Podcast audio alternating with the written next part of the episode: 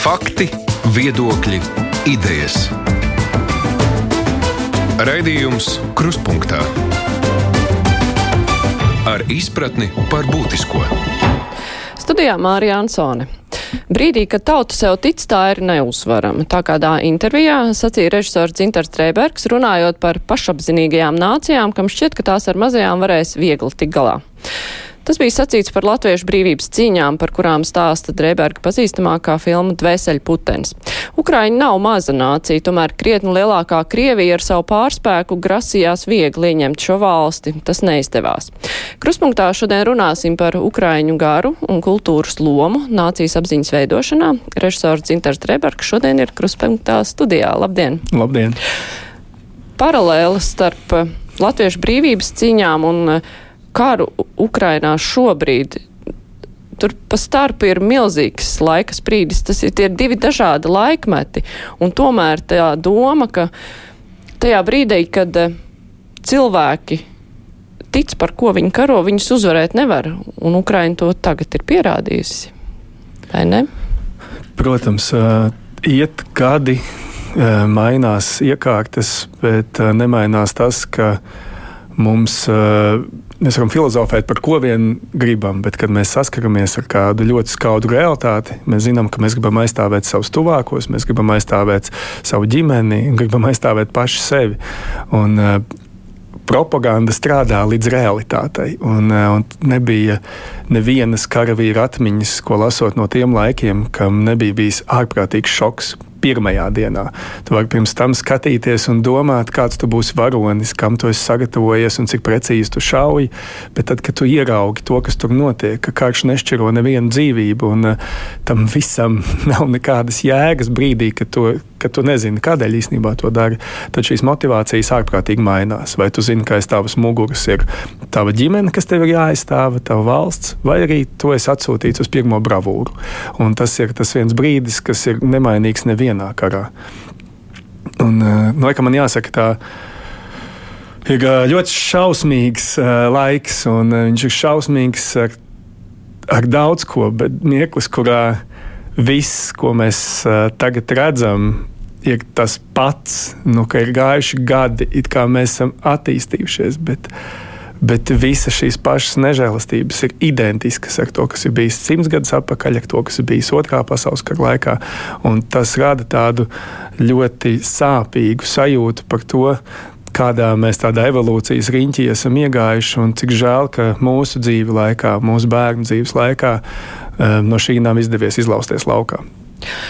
Um, Tā kā mēs domājam par eh, latviešu brīvības cīņām, mm. tad ir, eh, nu, to, to jau arī, protams, savā ziņā kino un literatūra ir panākusi, ka šķiet, ka, nu, visi cilvēki kā viens uh, ir bijuši varonīgi un gājuši, nu, nav tā tā, tas individuālais skatījums mazliet pietrūkst, kuru mēs redzam šobrīd, nu, ka cilvēki ir Ukrainā ļoti dažādi. Ir, kuri sievietes ar bērniem pārsvarā, kuras brauc projām, Jā. ir, kuri aizbraukuši ātrāk, kuri ir palikuši ilgāk.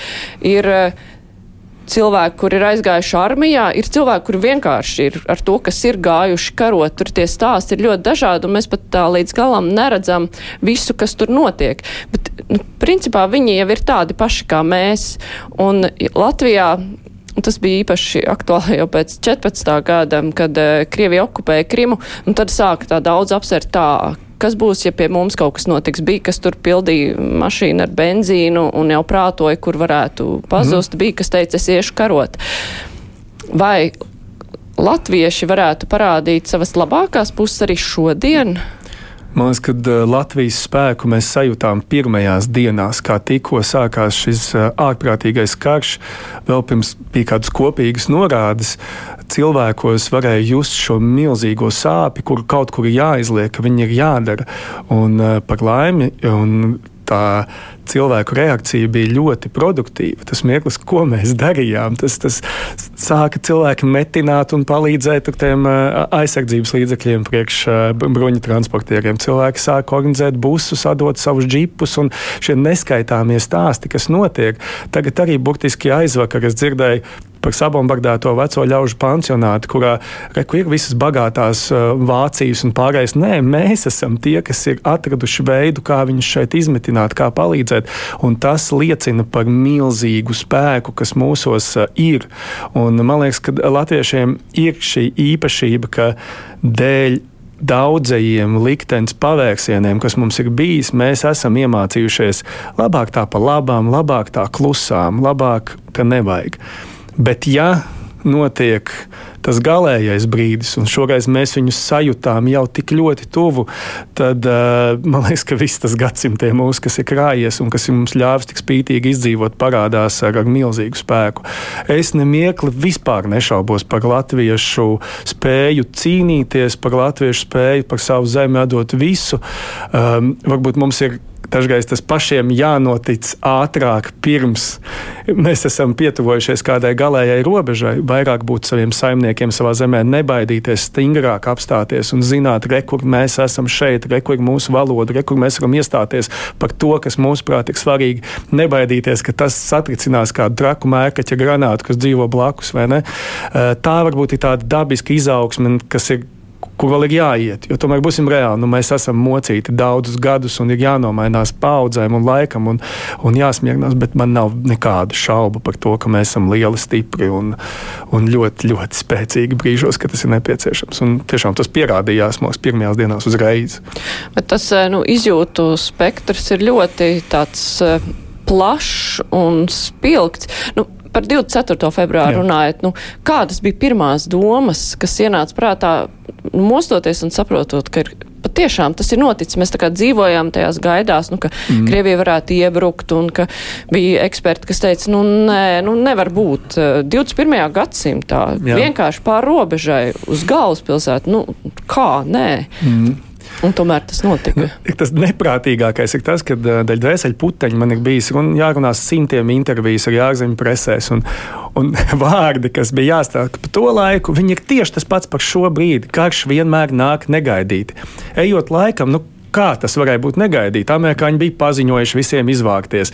Bija, tik, bija provokācija uz robežas, bija viss, kas ir klasika. Vienkārši bija, pilni, bija Putina uzruna. Un, tā visiem bija skaidrs, ka tā Putina uzruna nav tā patās.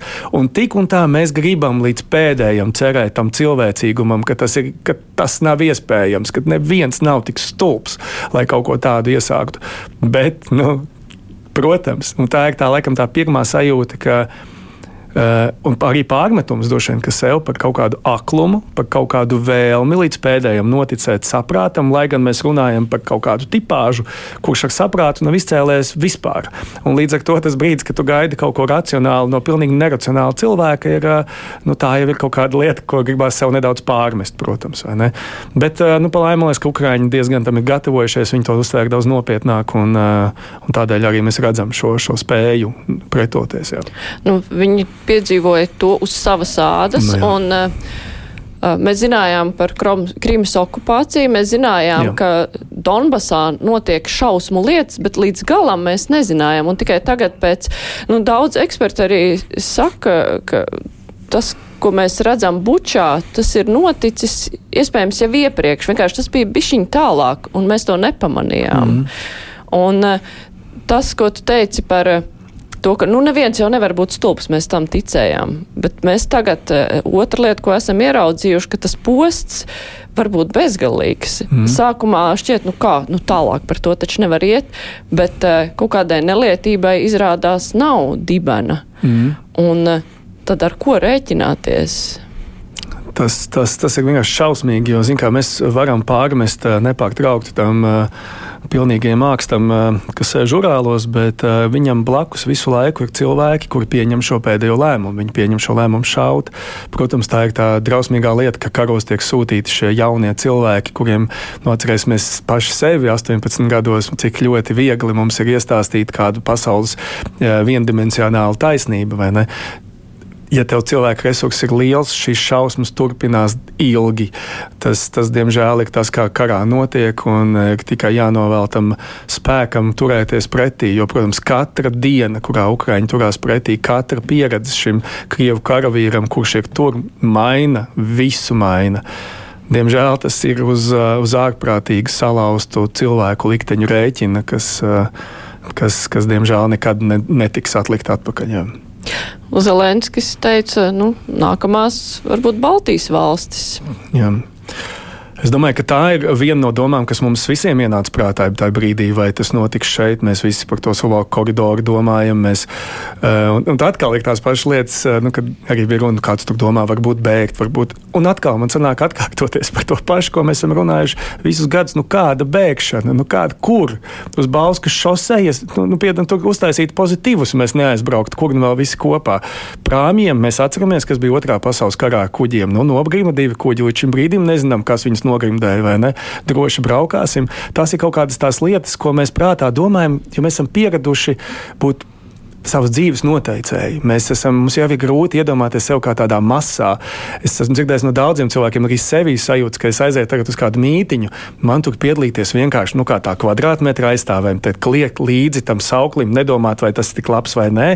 Ir pagrūti. Es esmu jau izaudzis par tādu Viss ir iespējams, individualitāte, bet, diemžēl, ir brīži, kad mēs vienkārši esam masa, kurai kopā jāpieņem lēmumi. Un tas, kas vienmēr ir bijis un kas vispār nemainās, ir, kā tikko mēs nomainām savu domu gaitu, par to nekāda bēgšana nav iespējama. Ja tas būs, nedodies tad tajā brīdī nu, mēs par savu katru kvadrātmetru cīnīsimies, un tad mēs atgriežamies pie tā pirmā jautājuma, un tad mēs esam neuzvarami. Tur vispār nav nekādas runas. Tu vari smaidīt sejā jebkuram agresoram, bet zināt, ka tu vienmēr aizstāvēsi to, kas tev ir aiz muguras, un tāda tauta nav uzvarama nekad. Un man tiešām man vēlreiz jāsaka, eh, ir daudz arī naidpilnu runu, ir daudz izmisumu, un tas ir skaidrs, tāpēc, ka nu, mums ir ļoti grūti sadzīvot ar šo šausmu, ar šo nespēju kaut ko palīdzēt, kaut ko darīt. Es esmu cik daudz cilvēku dzirdu, ka viņi vienkārši ar to busiņu braukuši uz, uz Ukraiņas robežu tikai tāpēc, ka nevar nosēdēt, nu, kad kaut kas tev ir jādara. Bet tas viss ir tāds skaļš, bet pamatlieta, ko mēs redzam, šis milzīgi daudzais cilvēku daudzums, kam nav bijis viena alga, kas tērē savu laiku, neskaita savu naudu, bet grib palīdzēt šai kaimiņu tautai. Un tas, ir, tas, tas, tas liecina par to, cik mēs īstenībā garīgi esam tālu izauguši un kāds ir tas mūsu spēks un kāds viņš ir potenciālais, ja mūs iespiedīs vēl tuvāk stūrī. Ukraiņi cīnās kā vēlni, ļoti spēcīgi, bet viņiem ir, vajadzīgs, eh, nu, ir vajadzīga Jā. palīdzība. Un rietumi arī daudz ko ir darījuši. Mm -hmm. Vai rietumi līdz galam saprot, eh, nu, ka ja Krievija neapturēs tagad, tad uh, tas viss turpināsies. Un vai tā palīdzība ir bijusi pietiekama, vai to tikai mm. joprojām saprotam mēs šeit, šajā pusē, kas ir cietuši? Atkal es varu atsaukties caur filmu, cik daudz uh, bija grūti ārzemniekiem saprast, kādēļ galvenais varonis, ja viņam ir tik smagi, neiet mājās.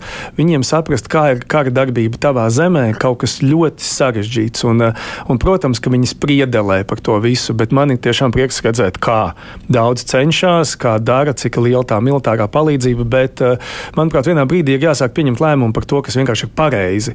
Tā ir neatkarīga valsts, un mēs šai pasaulē gribam dzīvot ar neatkarīgām, demokrātiskām valstīm. Un neatkarīga neatkarīga, demokrātiska valsts lūdz mūsu palīdzību, lai katru dienu nemirst cilvēki. Vai tiešām tas, ka viņi ir vai nav tikai NATO sastāvdaļa un ka tam mērkaķim rokās ir kodola granāta, ir iemesls mums tagad neiet viņiem palīdzēt vairāk? Es domāju, ka nē. Vienkārši dzīvē ir jāpieņem lēmumi, kas ir pareizi, bet ir tik grūti, tāpēc, ka zinām, kā mēs viņu pieņemsim. Mūsu dzīves vairs nekad nebūs kādas bija. Tas ir tas angļiem tas teiciens lūdzu, lūdzu. Tas ir zaudēt. Tev nav izējas no šīs situācijas kā tikai zaudētājam, jo iesaistoties šādās akcijās, tu vienmēr būsi zaudētājs. Bet, diemžēl, dažreiz tev ir. Um, jāziedo savu dzīvi, savu labklājību, savus miegs, savus ērtums, viss, kas ir bijis, bet lai vienkārši darītu pareizu lietu. Un tāpēc es ceru, ka arī pēdējie notikumi vēlreiz liks uh, pasaulē stingrāk savilkt grožus pret uh, Krieviju, iesaistīties vēl vairāk. Un, Protams, es gribu ļoti ticēt, ka arī tas, ko mēs lasām ziņās, nav viss tas, kā tiek palīdzēts, jo būsim reāli, nu, neviens skaļi nepaziņot, šajā brīdī pa šo šoseju dodas palīgā tik un tik tanki. Tas viss ir, es domāju, daudz smalkāk nekā, nekā mēs šeit iedomājamies, bet uh, palīdzībai, manuprāt, ir jābūt. Viņa noteikti nevar būt mazāka, viņai jābūt ļoti precīzai, konkrētai un militārai. Nu, Putins uh, pirms kāda laika vicināja sarkano pogu, un uh, nu, šķiet, ka kāds jau arī baidās no tās pogas. Mm -hmm. Vai tu arī baidies no tās pogas? Es šo pogu neņemu kā argumentu. Īstenībā, nu, nedrīkst. Nu, ja mēs šādi, nu, ko nozīmē, mums tagad būs blakus kaut kāds huligāns, kuram būs ierocis, un tāpēc mums būs visu mūžu viņu jāsadzīvo, nu, tā nevar. Uh, ir tomēr jāsaprot, ka, ka nevar dancot pēc agresora stabulas, jo tas nepie kā labi neaizved. Ja tiešām tas noiet līdz galējai robežai, nu, tā jau ir cita pasaule, par ko mums ir pat grūti runāt un grūti pat iedomāties, kas tas ir. Nu, Palai mēs arī saprotam, ka tās divas kodola valstis ir 30 minūšu lidojumā galvenās, kurā tas nevienai pusē nav, nebūtu nekad viegls lēmums. Un es arī pieņemu, ka gan jau tam trakajam ir blakus kāds cits trakais, kurš tik ļoti negribētu iznīcināt visu, kas viņam pieder, un varbūt to varu samainīt pēdējā brīdī kaut vai. Bet es šo argumentu negribu ņemt vērā par kodolu karu, lai nedarītu pareizas lietas. Um domājot par uh, Krievijas armijas nu, īpašo nežēlību, kas mm. tagad ir parādījusies. Nu, tā, mū, mūsdienu cilvēkam tas liekas nu, prātam neaptverami, jo pēdējie gadu desmiti ir, nu, vismaz man bija sajūta, ka cilvēce.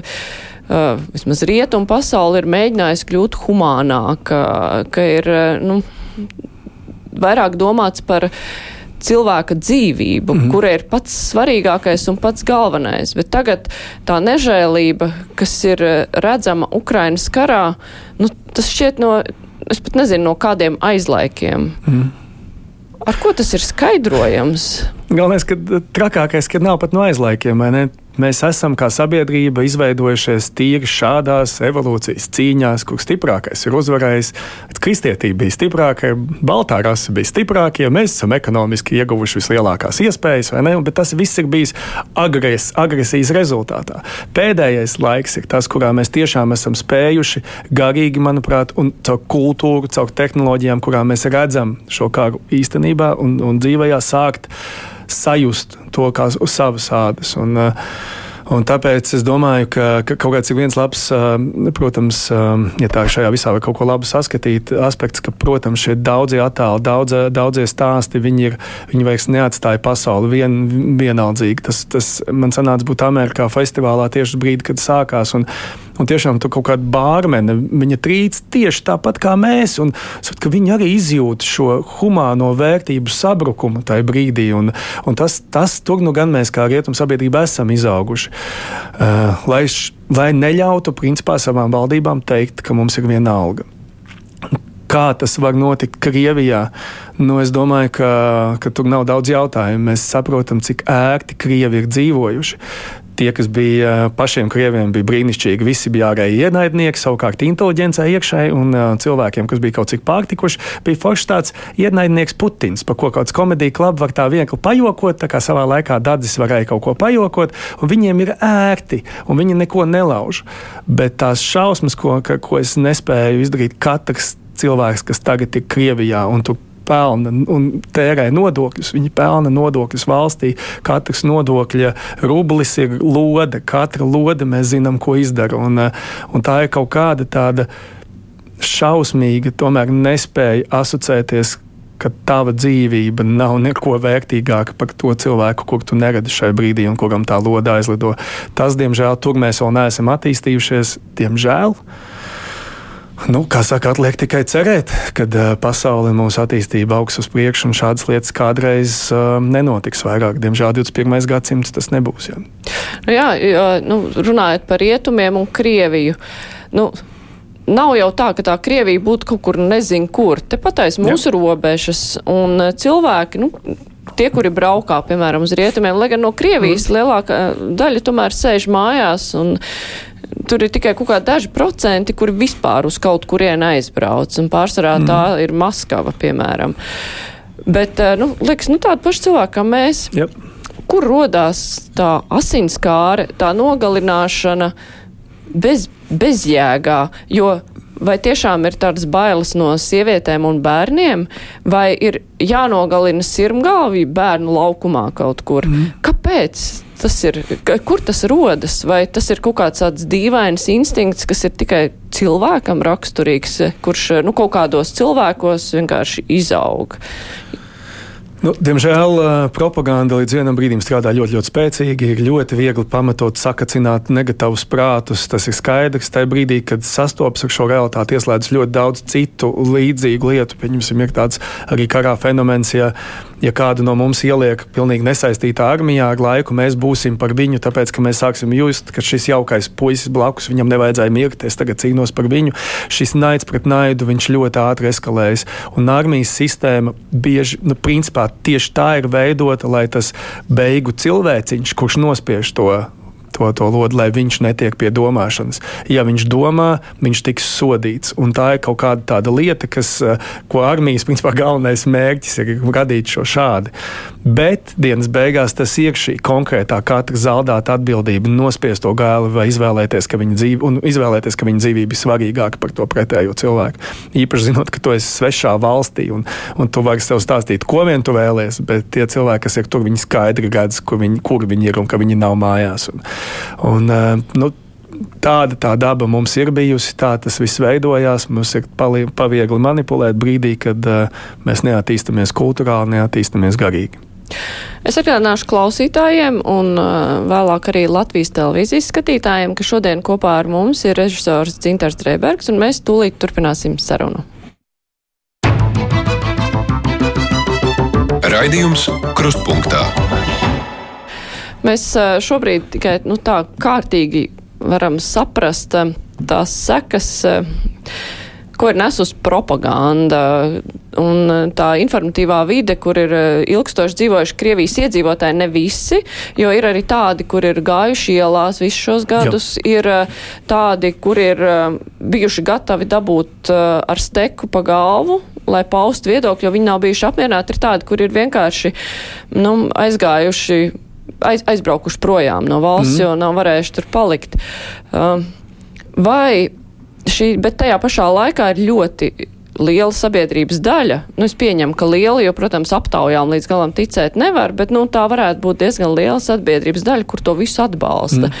Un uh, dažādas intervijas, kuras ir redzamas, kur cilvēki vienkārši ielās saka, jā, ka vajag tiem tur vienkārši sist, jo tāpēc, ka viņi to ir pelnījuši. Un vispār tie ir tur nacisti un nu, tur tā, tā greizo spoguļu kara, karaļvalsts, kas valda. Vai šī komponente sabiedrība, kura atbalsta to visu, vai tā ir nemazāk bīstama kā pati Kremļa politika? Protams, protams tas ir. Ja ir cilvēks, kas ne, nav spējīgs domāt ar savu galvu un ir viegli sakacināms, viņš ir bīstams un viss. Un, uh, un, diemžēl, līdzvainīgs visā tajā, kas notiek. Un, uh, bet, protams, kad uh, nu, nevar ilgstoši attaisnot pieaugušu cilvēku. Nu, vienalga, kādas ir bijušas tavas pieredzes iepriekšējās, nu vienā brīdī ir jāsāk savu galvu domāt, un ja reiz šīm lietām piekrīt un ļaujās, tad nu, tas vienkārši ir skumji un neko citu tur nevar pateikt. Bet nu, būsim reāli, nu, nu, nu, ko 30 gadus ir mazgātas uh, cilvēku galvas ar konkrētu propagandu. Mēs tagad arī varam runāt par cilvēkiem Latvijā, kas visu šo laiku skatījušies tikai un vienīgi šos ziņu kanālus. Kā ar dažiem argumentiem nomainīt visu vērtības sistēmu, saprast, ka visu šo laiku ir bijusi kaut kāda kļūda, kad es esmu domājis nepareizi, tas ir ļoti, ļoti, ļoti grūti, bet vienlaicīgi tam nav attaisnojuma. Um, tie pat nebija 30 gadi, tie ir 20 nu, gadi, jo, jo 90. gados nu, tur jau valdīja tāda diezgan liela brīvība. Visur televīzijas varēja ziņot, ko grib. Mm. O, bet Putins nākot pie varas ļoti mērķiecīgi, ko varbūt daudzi nesaprata uzreiz, bet ļoti mērķiecīgi sāka ravēt laukā uh, to, kas viņam bija netīkams televīzijā, saprotu, ka, ka tas ir tas galvenais rupors, mm. un uh, ļāva tur darboties kaut kādu laiku mēdījiem, kur vienkārši nav tik plaši patērēti, mm. bet televīzijās tas viss tika ļoti mērķiecīgi darīts, un 20 gados cilvēku galvās tika. Turklāt ne, ne jau tikai ar ziņu palīdzību, bet ar visdažādāko šovu, seriālu filmu. un filmu un visu, nu, kas tā it kā caur izklaidi, bet ļoti precīzi pilina kaut kādu noteiktu ideju. Ko darīt ar sabiedrību, kura propaganda ir tā apstrādājusi? Jo to jau nevar tā vienkārši mm. noslaucīt. Nevar. Nu, es domāju, ka nevajag arī droši vien pārlieku dramatizēt to vienu lietu. Es domāju, ka katrs cilvēks ir skaidrs, ka karu varbūt gribas nezinu, 10%. Nu, pārējiem smadzenes, es domāju, pietiek, lai būtu absolūti pret karu. Tālākais ir viņu kaut kādas uh, spējas riskēt vai neriskēt ar savu dzīvi, ar saviem tuvākajiem un iestāties par to, kam tu tici. Un skaidrs, ka, diemžēl, tur visa šī varonā čečenu tauta un visi viņi vienkārši ir vārguļi. Viņi ir cilvēki, kuri nav spējīgi riskēt ar savu, savu stāvokli esošo un iestāties par to, kas ir pareizi. Diemžēl šai tautai pagaidām dominē vārguļi, kas nav spējīgi pateikt, tā ir mūsu atbildība, ka mūsu valsts vadītājs ir uzsācis karu un tā ir mūsu atbildība, mums ar to ir jātiek galā. Diemžēl tā tas ir. Un, un, Un kāds varētu būt šis impulss, kurā vienā brīdī viņi sajūt to masu, ka viņi sajūt īstenībā, ka viņi nav vieni savā vēlmē izbeigt jebkādu karu, neriskēt, ka karš atnāk pie viņiem. Kas var notikt tajā vienā brīdī, kad viņi iznāk ielās un ir gatavi riskēt ar sevi? Kas ir šī revolūcija, kas viņiem ir jānotiek viņu galvās? Es nezinu, vai tas ir kaut kāds tiešām fizisks uh, brīdis, kurā tu saproti, ka tev vairs nav pārspēka, vai tas ir uh, kaut kāds ļoti konkrēts varonis, kas tur parod, parādās un ir gatavs upurēt sevi un paceļ sev līdzi citus cilvēkus. To ir to Kaut kas no tā būs. Nu, skaidrs, ka tas nebūs mūžīgi. Tas skaidrs, ka tas, eh, ka tas Putins eh, cietīs un cietīs smagi, bet, eh, diemžēl, katru dienu, kamēr šis viss notiek, cieši citi cilvēki. Bet nu, tā ticības maiņa tā ir tāda ļoti nu, interesanta padarīšana. Nu, tagad arī mēs nu, atskatāmies tā uz uh, daudzām desmitgadēm vēsturē, un mēs jau nevaram īsti saprast, kā notika, piemēram, vāciešu tās apziņas transformācija mm. uz to, ka tas, ko darīja Hitlers, un viņa dombiedri, ka tas bija slikti. Mm. Tagad ir skaidrs, ka vācieši saprot, tas bija slikti, mm. bet tajā laikā taču cilvēki ticēja, ka viss ir kārtībā, neticēja, ka ir kaut kādas nometnes. Un kaut kā tā, tā nu, tā apziņa mainījās. Vai var cerēt, ka arī Krievijā tas notiks? Nu, mums ir jācer, mums ir jācer, ka vai nu tas notiks ar spēku, vai viņu pašu kaut kādu apgaismības brīdi. Nu, uh, nu, viens vai otrs skaidrs, ka notiks. Tikai jācer, ka tas notiks pēc iespējas ātrāk. Nu, skaidrs, ka tas nevar mūžīgi turpināties. Nu, kaut kur jau tas viss apstāsies. Bet, nu, mums jau ir. Um, arī, man liekas, ir kaut kāds viens brīdis uz, uh, pastīties uz savu valsti. Tagad, man liekas, tas arī ir tāds kaut kāds, uh, man riebjās, ka kāds sāk runāt, redz, kā tagad ar Krieviju mums uzreiz grūti būs ekonomiski. Mēs to zinājām vienmēr, ka mums ir kaimiņš, ar kuru jebkurā brīdī var kaut kas nobrukt. Ja mēs tam neesam gatavojušies, neesam domājuši par alternatīvo enerģijas avotu, tā ir bijusi mūsu kļūda, ko varbūt izjutīsim tagad spēcīgāk, varbūt nē. Brīdis, kurā, jā, protams, ir darba vietas, kas ar to tiks zaudētas, bet tas ir līdzīgi kā mūsu atrašanās atrašanās vieta ir kā tāds e, resurs, ko var atrast dabā. Līdz ar to, ja, viņu, ja parādās kāds cits, kas ir labāks, kādreiz tas beidzās, tev ir jārēķinās ar šīm situācijām, un diemžēl tas, tas, tas nav variants. Mums ir brīdis, kurā mēs paši Es domāju, ļoti skaidri redzam to, ka kāda vara Latvijā ilgstoši ir turējuši sausus salmus. Nu, kā tas var būt, ka mums 30 gadus pēc neatkarības izcīnīšanas ir skolas, kuras beidzot cilvēki runā krievu valodā tikai? Un, un, ir, un tā ir necieņa no mūsu latviešu puses, ka mēs neesam pietiekami iespringuši, lai viņus padarītu par lat pilntiesīgiem Latvijas iedzīvotājiem, kas runā latviešu, kas var iesaistīties pilnvērtīgi mūsu ekonomikā, kas var ar mums kopīgi visu veidot. Kā tas ir noticis pirms brīdim, ja mēs rādījām filmu Dvēseli Puteni salīdzinoši nesen pa, pa Krievijas skolām. Es redzu skolotājus, dažus, es tagad nerunāšu par visām skolām, vairāk skolas izcils skolotāji, perfekti, un, bet bija vairāk skolotājs, kas runā sliktāk par saviem skolēniem latviešu. Kā tas var būt? Par, par ko mēs runājam? Kādā veidā tagad cerēt, ka, ka arī mūsu sabiedrība var būt vienota un izprast, ja tas nav noticis šo laiku? Un es gribu cerēt, ka nu, svarīgi šādos brīžos mums ir pastīties pašiem uz sevi un ko mēs varam darīt. Un es ļoti ceru, ka ka šis sācinājums mūs liks nopietnāk pastīties, ko nozīmē būt saimniekiem savā zemē, kādi lēmumi ir jāpieņem, pat ja tie nav viegli lēmumi, kā mums tagad padarīt visas skolas pilntiesīgas, lai no viņiem iznāk Latvijas pilsoņi, kuriem rūp šī valsts, kas ir iekšā un spēj domāt, un neviens ar viņiem nespēj manipulēt. Tas ir jāpieņem lēmums šodien, jo bez tā nekas cits nenotiks. Ir uh, lietas, kas ir saistītas ar mūsu neatkarību, enerģijas un kas ir saistītas ar mūsu drošību, un tās ir, kas ir jāizdara tagad. Un es ceru, ka neviens par to vairs nemirkli vairs nešaubīsies un secinās, jā, nokavēts ir diezgan daudz, bet labāk ir sākt šodien nekā pēc piecām dienām un nesākt uh, attaisnoties ar kaut kādiem dīvainiem 85. gada līgumiem un izlikties, ka tikai mūsu pusē viņi ir jāpilda, kamēr pārējie var darīt, ko grib. Un tā ir kaut kāda lieta, kur tagad ir mieklis mums pašiem apstāties stingrāk, sajust savā valstī jābūt stingriem. Es tagad nerunāju par uh, kādu vardarbību vai par kādu necienīšanu. Nē, tieši otrādi mums ir ar cilvēkiem, kuriem mēs esam uzlikuši savā ziņā, ļāvuši viņiem būt savā varā eh, skatīties, kādus kanālus viņi grib beidzot viņus paņemt un iesaistīt mūsu ģimenē un ļaut viņiem būt daļai no mums, palīdzēt veidot šos pirmos soļus.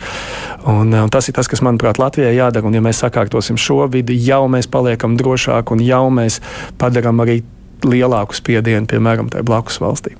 Bet vai mēs pietiekoši neiespringām, vai viņi pietiekoši negribēja? Jo mēs jau mm. tā kā aicinājām, bija arī dažādi nosacījumi, nu, ka, ka valoda ir jāmācās, Jā. bet ja cilvēks vienkārši negrib. Es, tas ir traki, un, bet būsim reāli. Nu, cilvēkam ir grūti izlausties no savas kaut kādas ērtās zonas, bet ir kaut kādas lietas, kas jāpieņem valstī. Nu, nevar, tu nevari atļaut skolu, kuru beidz cilvēks, kam, kam ir vāja vājas latviešu zināšanas. Un tā jau ir valsts politika. Tev to in, lietas kopā, integrē visus bērnus kopā, strādā pie tā, ka skolas direktors, skolēs, skolotāji ir izglītot. Piedod man, tas ir daļa no aizsardzības budžeta, kas tad ir tas, kas ir vajadzīgs, lai šie skolotāji tur būtu un tādi, kuri ir spējīgi cīnīties par to. Tas nebūs viegli, bet mēs jau to nedaram tagad, lai kādu asimilētu. Mēs to pirmkārt darām, lai cilvēkiem, kas ir šeit un izvēlējušies šeit dzīvot, arī palīdzētu būt. Jo Būsim reāli, tas ir tik viegli dzīvot savā vidē, runāt savā valodā, skatīties savus kanālus. Nu, tev, tev izrauties no tā vajag jau pašam būt ar milzīgu motivāciju. Nu, cik mums pašiem daudziem ir motivācijas kaut ko būtiski mainīt savā dzīvē. Tas, tas, tas nav attaisnojums tiem, kas, eh, kam bija iespēja un ko nedarīja. Nu, te man liekas, atkal par tiem saimniekiem un eh, par šo visu arī mums ir. Eh, es esmu, es tagad atkal mums ir daudz ļoti spēcīgi cilvēki, bet es maz esmu sevi sajūtis Mēs taču esam dzirdējuši šos, šos cilvēkus. Nu, es tagad speciāli ar to savu santehniķu runāju krieviski, jo man patīk atkārtot krievu valodu. Nu, kas tas bija par argumentu? Nu, īstenībā nu, mēs esam lokanā mugurām un neesam spējīgi palīdzēt viņam iemācīties latviešu valodu. Nu, nu, tās ir kaut kādas lietas, kas ir saknē jāizbeidz, jābeidz baidīties no tā visa. Un, un tajā brīdī, kad mēs esam saimnieks, kas nelokās un, un nebaidās, tad mēs arī varam spēt šo visu veidot kā kopīgu nāciju ar kopīgiem mērķiem. Un tas ir kaut kas, kas mums jāpaņem šai šai brīdī, jāpaņem un jāapskatās uz sevi. Un, nu, tā tā tāda sajūta, jā, kas, kas jādara mums. Nu jā, izglītības sistēma, kas jau tika pieminēta, ja tā nu, parēķina Latvija kopš neatkarības atgūšanas ir jau vairāk nekā 30 gadi pagājuši Jā. skolā, cilvēki var strādāt ar augstāko pedagoģisko izglītību. Tiem cilvēkiem, kuriem tad bija 20 gadi, um, šobrīd ir 50. Jā. Un uh, tie jau skaitās skolotāji, nu, ne tie jaunie skolotāji, mm. un teorētiski. Visiem vienalga kāda tautība vajadzētu zināt latviešu valodu, jo mums augstākā izglītība ir latviešu valodā, un ja kāds nezina, tad ir jautājums, kā viņš to vispār ir dabūjis gatavu. Tieši tā. Bet, nu, būsim reāli, nu, baidījāmies. Nu, vienreiz uztaisīja akciju, Ruki Proča, tur ašķik skolu, un no tā brīža mēs esam bijuši bailīgi. Nu, ne visi, bet ir bijis kaut kas, kurā ir jāiestājās stingrāk, ir jāpasaka, kas mēs esam, no kurienes mēs nākam. Tagad es ļoti daudz strādāju pie, lai izpētītu. Um, leģionas uh, notikumus un leģionāru sajūtas, kas bija neatkarības atgūšanas laikā. Un, un, un un tur tik ļoti parādās šī, šī sāpe par to, ka neviens, nu, tā kā līdz galam, nu, neviens, tā, ka mēs nevarējām visu kopā apstiprināt, neviens šos cilvēkus nesauks par fašistiem nekad.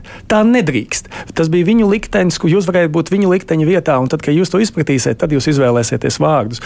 Un, mē, kā, un es lasu to un saprotu, ka maz mēs īstenībā esam darījuši, lai iestātos par viņiem, lai viņi justos, ka tagad brīvībā neviens neļaus viņus šādus apvainot. A, tagad, ja mēs skatāmies no šodienas perspektīvas, nu, ja mēs būtu palikuši Krievijas sastāvā, jo būtu šie cilvēki, kas neiet uz barikādēm vai vēl kaut kur baidījušies. Un tagad mums būtu jādzīvo sabiedrībā, kurā mēs Ukraiņus turpinām saukt par fašistiem, jo tā šī vara viņus ir nodefinējusi. Kā tā drīkst? Nu, tie ir kaut kādas lietas, kur mums ir jāciena savu vēstuli, jā, vēsture, jāciena tas, kas mēs esam. Un tad, kad tu cieni sevi, tad tu vari cerēt, ka ciena arī tevi. Un es, es ceru, ka šī, šis, kas ir tagad noticis, šo visu mums inicēs ļoti spēcīgi un, un, un ļaus ar nepieklust brīžos kad pienāks tas drausmīgākais, kad mēs ar to kāru apradīsim. Un tas ir normāli, ka mēs viņu apradīsim, jo mums dzīves ir jādzīvo, mums ir jāstrādā, mums vajag šai valstī pelnīt nodokļus, lai šī valsts ir spēcīga, lai mēs varam palīdzēt citiem. Bet, kad šis apradums ar šo situāciju katru brīdi būs, atkal gribēsies tā klusāk un mierīgāk un pa labam, bet tā tas nestrādā. Saimnieks nekad tā neuzvedas. Jā, ne, protams, ir grūti iedomāties situāciju, ka Ukraiņi neatkarīgi un mēs esam palikuši padomju savienības nu, sastāvā. Protams, bet, jā, bet tā, tā, tā doma, jā, bet tā doma, jā. doma bija skaidra. Bet jā. runājot par uh, Krievu, Krieviju, Krievijas krieviem un visiem citiem krieviem un viņu atbildību. Es jau pieminēju, ka, nu, ka ir cilvēki, kur ir bijuši vienmēr pret, uh, kur ir, kur ir reāli cietuši dēļ savas mm. pretpozīcijas pret uh, Kremļa politiku. Vai jāuzņemas atbildība par eh, karu Ukrainā visiem krieviem? Krievijā, Latvijā, citās valstīs, neatkarīgi no tā, uh, ko viņi ir domājuši, darījuši, pauduši. Mm -hmm. Lai gan tie, tieši no krieviem, kur ir bijuši pret, eh, tieši no viņiem es arī esmu dzirdējis, Jā. ka viņiem ir kauns. Nu, un tā, viņi jūtas mm, vainīgi. Tā man liekas, ir tā atbilde. Nu, atdalam noteikti tikai Krievijas krievus vai ne, kas tur pelna nodokļus. Uh, uh, tie cilvēki, kas ir cīnījušies pret, darījuši, viņi jau cieši. Es, es, es esmu dzirdējis tik daudz no pazīstamiem, ka viņi nevar sadzīvot ar to, kā tas var būt, ka viņu tauta to dara, kā, nu, kā viņi var neizlausties. Uh, man pazīstama režisora, kur ar savu mammu un tēvu ir sastrīdējusies līdz ārprātam par to, ka viņa vecāki nesaprot šo, šo situāciju. Un šie cilvēki jau cieš. Un, uh, un, un, un viņiem vairs līdz ar to pārmest. Man, viņi jau sev ļoti pārmet. Tai pārējai daļai, kas izvēlas, ah, nu, ko nu es tur zinu, kā man būs grūti, man te ģimene, man te nauda, man te vēl kaut kas, nu, tiem es absolūti pārmetu. Ja mums atnāktu dūls vadītājs, ko mēs iebalsotu, un viņš pieteiktu karu Lietuvai, mēs būtu vainīgi, ka mēs viņu neapstādinām. Tur nav nevienas citas atbildes. Viņi šobrīd ar savu bezdarbību un saviem nodokļiem ir vainīgi. Latvijas krievi, nē, protams, ka nē. Nu, tur vispār nav nekāda sakaktie mūsu Latvijas iedzīvotāji. Mums ir jautājums par to, cik lielā mērā mēs esam spējuši kopīgi runāt, būt kā kopīga valsts, kopīga nācija. Tas ir cits stāsts. Viņi neatbalsta šo režīmu nekādā veidā. Ne? Tur, tas ir jādala. Tie, kas Krievijā aizbrauc no Krievijas prom un neturpina tur cīnīties uz vietas. Nu, es, diemžēl, ļoti labi varu sajust to brīdi, nu, kad tu saproti savu bezspēku, tu saproti savu risku un tu vismaz negribi tik daudz kā ar saviem nodokļiem palīdzēt šo darīt. Šīs ir, šie ir lēmumi, ko kurus ir ļoti, ļoti grūti pieņemt. Es neapskaužu nevienu krievu, kam ir tagad par šo jādomā un šie lēmumi jāpieņem. Bet tas nemaina faktu, ka tā ir viņu tautu atbildība par to, ka, tas, ka to dara viņi. Bet uh, savukārt runājot par to, nu, kā pret to izturamies mēs, Jā. vai mums ir nu, labi, es nerunāju tā kā mm. konkrēti jā. mēs, eh, viņš, jūs, eh, bet, nu, kopumā, teiksim, ir kaut kāds tāds viedoklis arī sociālos tiklos ļoti labi redzams, kas rada sajūtu, nu, ka, ka Krieviem ir jāatjābainojas nemitīgi un bezgalīgi par visu. Un eh, nepietiek ar to, ka viņš ir vienreiz pateicis, ka viņam tas nav pieņemam, viņam ir jāpasaka tas garākā teikumā, precizējot, kas mm. tieši ir vainīgs, un eh, visu laiku ir jāiet tā kā ar nodurtu galvu. Nu, ir tāda attieksme arī no daļas cilvēku. Vai, nu, tā vainas atzīšana ir, vai tā ir jābūt nemitīgai? Vai pietiek ar vienu reizi? Es, jo tajā jā. pašā laikā varbūt tā viena reize, nu, vienreiz pateica, o, oh, piedod, tā kā bērns, mm. piedod, mm. es tā negribēju, un turpina. Es, es domāju, jādala kaut kādi tie laiki, kad mēs varējām filozofēt pret šo miekli, kad notiek aktīva kardarbība, un aktīvā kardarbībā, diemžēl, pasīva izvēle nav risinājums, un uh, šai brīdī, ja katru brīdi, kad šis cilvēks neko nedara, man neincerē nekāda viņa atvainošanās, man tagad vajag, lai viņš beidz karu, ko ir viņa valsts iesākusi. Es, es šādu, protams, neesmu. Es, nu, tādu sajūtas, kaut kādu sevī vēlmi, ka man, lai man krievi būtu visu šo laiku atvainojušies, īsti nevar izprast to visu. Es, protams, uh, Būsim reāli atkal. Mēs dzīvojam blakus kaimiņam, kurš nekad neatzina PSRS okupāciju, vai ne? Un, un tas ir ļoti smieklīgi, ka tajā brīdī mēs varam iedomāties, ka viņi kaut kā sevi nelolo par mantiniekiem ar turpmākiem mērķiem, kas nav gluži saskanīgi ar mūsējiem.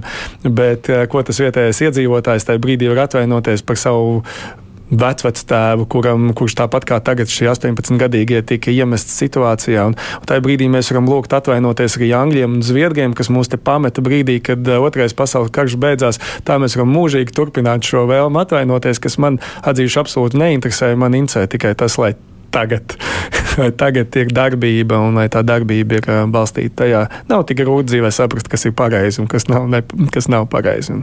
Šai brīdī vajag aktīvu darbību, nevis vārdus. Bet, nu, ir tie strīdīgie gadījumi, nu, nu kādi strīdīgie vienkārši mm. gadījumi, kad cilvēki sajūta, nu, ka Krievijā ir slikti un devās projām. Un mm. parasti ir nu, cilvēki, kuriem ir nauda, lai to izdarītu, Jā. jo ar mugursomu plecos no Krievijas jau maz kurš mūk ir arī tādi, Jā.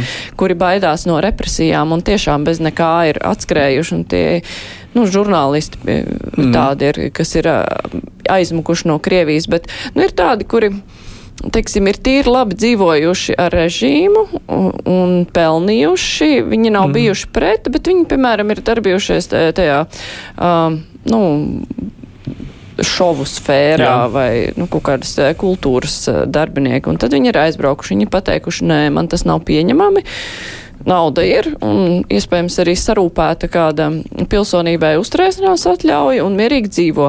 Vai rietumiem ir jāpieņem šie cilvēki, kuriem nu, tur vairs nav vērti un labi, nu, it kā negribas arī būt ar slepkavu, bet tajā pašā laikā nu, viņi ir tā kā to režīmu visu laiku palīdzējuši uzturēt. Protams, jā, tas šis, šis nav viegls jautājums. Mēs nezinām, skaidrs, ka ar saviem nodokļiem cilvēks to ir palīdzējis darīt, ar, ar daudz ko ir palīdzējis, bet uh, nu, nevar novērtēt par zemu to kaut kādu cerību pie tā, ka veselais saprāts uzvarēs, kad kaut kas notiks. Un, un, un es saku, šī brīža izvēles, man liekas, jau ir savādākas nekā tas, kas ir bijis līdz tam.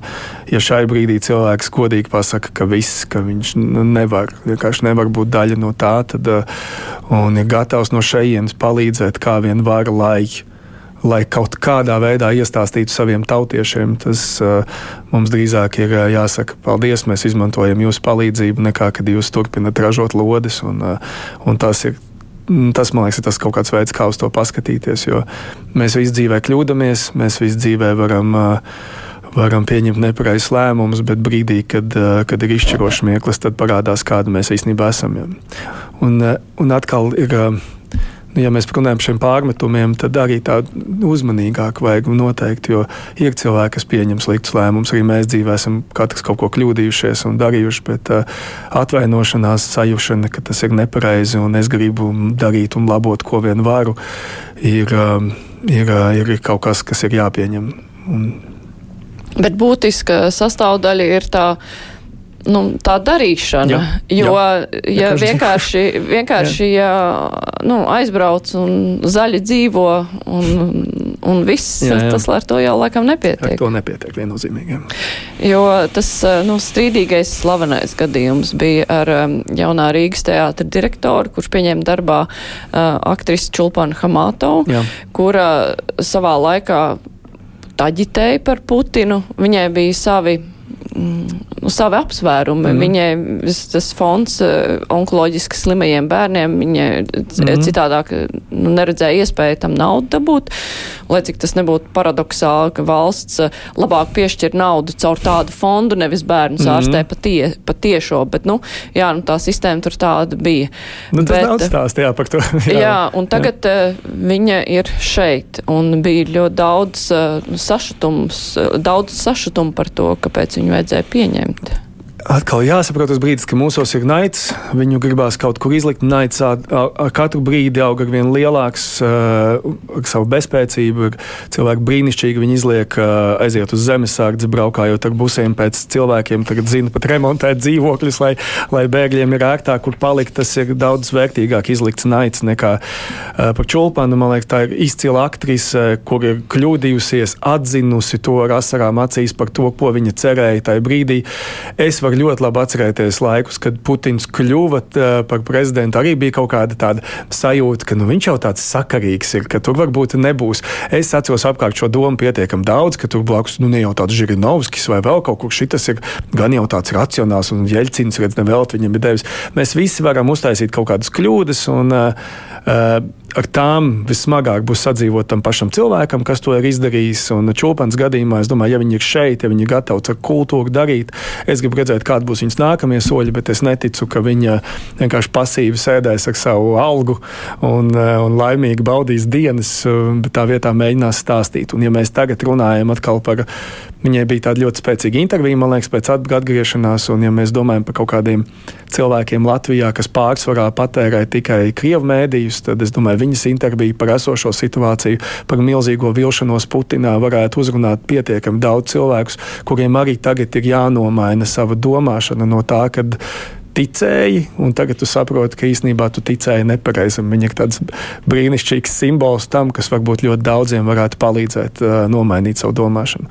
Zinot, cik Hermans ir. Uh, Lielisks režisors. Es ticu, ka kaut kāda nākamā izrāde ļoti spēcīga par šo parunās. Jā. Jā, lai gan es atceros, ka Putins mm. nāca pie varas, tad tā sajūta bija diezgan šausmīga, jo Jā. viņš nāca eh, no čekas aprindām. Pēc tam es nevaru atcerēties, kurā mēdījā, bet bija tāda ļoti spilgta bilde, kur bija Putina fotografija ar tādiem velna radziņiem. Un es neatceros, vai tā bija Jā. latviešu vai ārzem prese, bet bažas bija. Mm. Un uh, cilvēki daudz skatījās ar piesardzību, bet, nu, protams, ka kaut kāds naivums un cerības varēja būt visiem. Tieši tā, nu, mēs esam naivi, mēs kļūdamies, esam godīgi. Tagad savu enerģiju izliekam tajā, lai esam spēcīgāki saimnieki savā valstī un palīdzētu tiem, kuriem vajag vajag visvairāk palīdzēt. Pēc tam mēs te varēsim visādas raganas medīt, tad, kad būs daudz laika un, un viss būs kārtībā. Tagad savu enerģiju iztērējam produktīvāk. Bet kā ar mūsu cilvēkiem, kultūras darbiniekiem? Jo nu, tagad ir tas brīdis, kad ir jārunā, kad ir jābūt skaļam un pārliecinošam, jo mm -hmm. nu, viņos ieklausās vismaz eh, tie cilvēki, kuri ir nu, priecājušies par viņu darbību šajā kultūras jomā, un gan eh, runājot par Latvijas, mm. gan par Krievijas kultūras cilvēkiem, tad tagad ir tas brīdis, kad ir jārunā visiem, kad nevar vienkārši, nu, klusēt un gaidīt, ka kāds cits pateiks. Tieši tā, tieši tā ir jārunā, ir, un, un notiek runāšanas, bet ir vēl lietas, ko mēs esam ielaiduši. Un, kā piemēram, man kā režisoram, es, es atkārtojos, laikam, man, man ļoti sāp tas, ka mums ir tik daudz neizstāstītas vēstures lapus. Tas ir tas, ko es, es gribu taisīt un gribu veidot. Un man tagadējā sāp vislielākā, piemēram, kaut kādas filmas, pie kurām es šai brīdī strādāju. Kāpēc viņas nav uztaisītas jau pirms tam, lai mēs jau varētu saprast, ka mēs neesam uz tukša pamata, cik mums ir bijušas spēcīgi cilvēki, kas mums ir izdarījuši to, lai mēs šeit varam runāt latviešu. Mums uz kā ir no kā, uz kā pakāpties, no kā iedvesmoties un to redzēt. Un šie visi stāsti mums ir bijuši neticami maz stāstīti. Šai brīdī, protams, es, es jūtu cilvēkos, kas, kas īpaši radošajos, kas, izti, kas to emocionālo pasauli arī jūt, tā traki ir ļoti, ļoti grūti. Ir tiešām grūti, ir fiziski grūti ar to samierināties, bet atkal, ko es redzu, visi savu iespēju robežās kaut ko dara. Mums no studijas Renāks Vimba, viens no izcilākajiem režisoriem, viņš tagad ir Ukrainā, viņš ir Kijevā. Vienkārši viņš teica, nu, vienu pilienu kaut vai piepilinās klāt tajā, lai izstāstītu šo stāstu vairāk. Mums eh, vairāk tiek rādīts seansi par brīvu mūziķu uzstājās. Katrs, man liekas, cenšas, ka katrs tava tā sava vērtība varētu, varētu būt kaut ko palīdzēt, jo nu, tas, eh, tas, tas, tas ir sāpīgs laiks, kurā mēs katrs izaicinām sevi sevi. Bet um, viena lieta, ko man laikam bija tāda paskatīšanās uz to kultūras jomu. Un tās nepieciešamību šai laikā sanāca tā, nu, no kaut kādas citas puses, jo tas pirmais ir tāds jautājums, nu, nu šai brīdī, kad vajag ārstus, kad vajag ierindniekus un vajag pārējos, nu, ko to savu kameru. Un tad man uh, jāuzdod sev tas jautājums par šo mūžīgo evolūciju. Kas ir tas brīdis, kur mēs esam mūžīgi karojuši, mūžīgi stiprākais ir uzvarējis, un kurā brīdī mēs no šī varam izrauties laukā. Un es tiešām ticu, ka vienīgais veids, un vienīgais veids, kā mēs varam sākt just līdzi tuvākajam, kā sev, tas ir, ir kultūra, tā ir spēja iedziļināties otru cilvēku likteņos, lai saprastu, ka viņi ir tādi paši kā mēs, un mēs negribam ne sevi, ne otru sāpināt. Un es tiešām domāju, daļa no šīs uh, kultūras, kas ir visus šos gadus bijusi pilnībā neierobežota rietumu pasaulē, ir viens no galvenajiem iemesliem, kāpēc tagad, kad mēs redzam šo karu, cilvēki nevar mierīgi nosēdēt, viņiem sāp, un viņi pieprasa savām valstīm kaut ko darīt. Un, un tā ir tā, man liekas, tā kultūras um, ilgtermiņa ietekme, īstermiņa ietekme. Es domāju, ka katrs cenšas vienkārši ko vien var. Nu jā, nu tieši tādā brīdī, kā šis, arī var vislabāk novērtēt to, cik ārkārtīgi liela nozīme ir tas, kas notiek cilvēku galvās. Jo tieši tādā veidā, kā strādāja Krievijas propaganda, izmantojot visdažādākās uh, sastāvdaļas, kultūras sastāvdaļas. Tur tas ir gan kino, gan uh, televīzija, gan nu, viss, mm. vai vienkārši ziņas un uh, žurnālistējā skaitā, kā to visu var ievirsīt un cik ir svarīgi kā, nu, tiksim, kā mēs strādājam, kā strādājuši rietumi, tieši tas, ka tagad mēs saprotam, kas notiek. Mm. Un, uh, tas nozīmē, ka mums ir ļoti daudz jādomā arī par to, kā tad kultūra un visa šī sadaļa strādās tālāk. Nu, tas nav tāpat vien Jā. izklaide, ka tā ir, tas ir izšķiroši.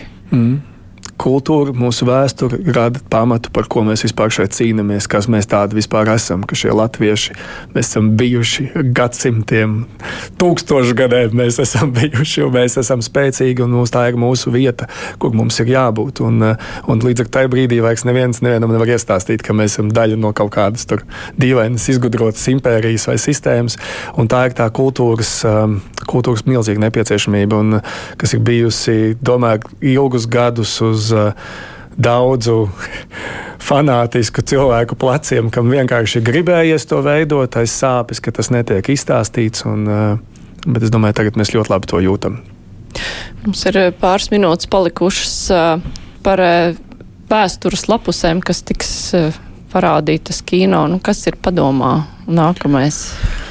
Nu, Jā, tas ir ļoti grūti tie pieteikumi rakstās, kad ir viss, bet nu, ja arī Eiropas atbalstīti ir divi projekti, ko man sirds uh, liek taisīt, un viena ir pieķerties šim. Uh, leģiona pasaulē, kurā ir šis neizstāstītais stāsts par mūsu puišiem, kas bija ierauti Otrajā pasaules karā un kuri tā arī, laikam, līdz, līdz mūža beigām neguva apmierinājumu, lai, sap, lai mēs novērtētu, kas viņi ir.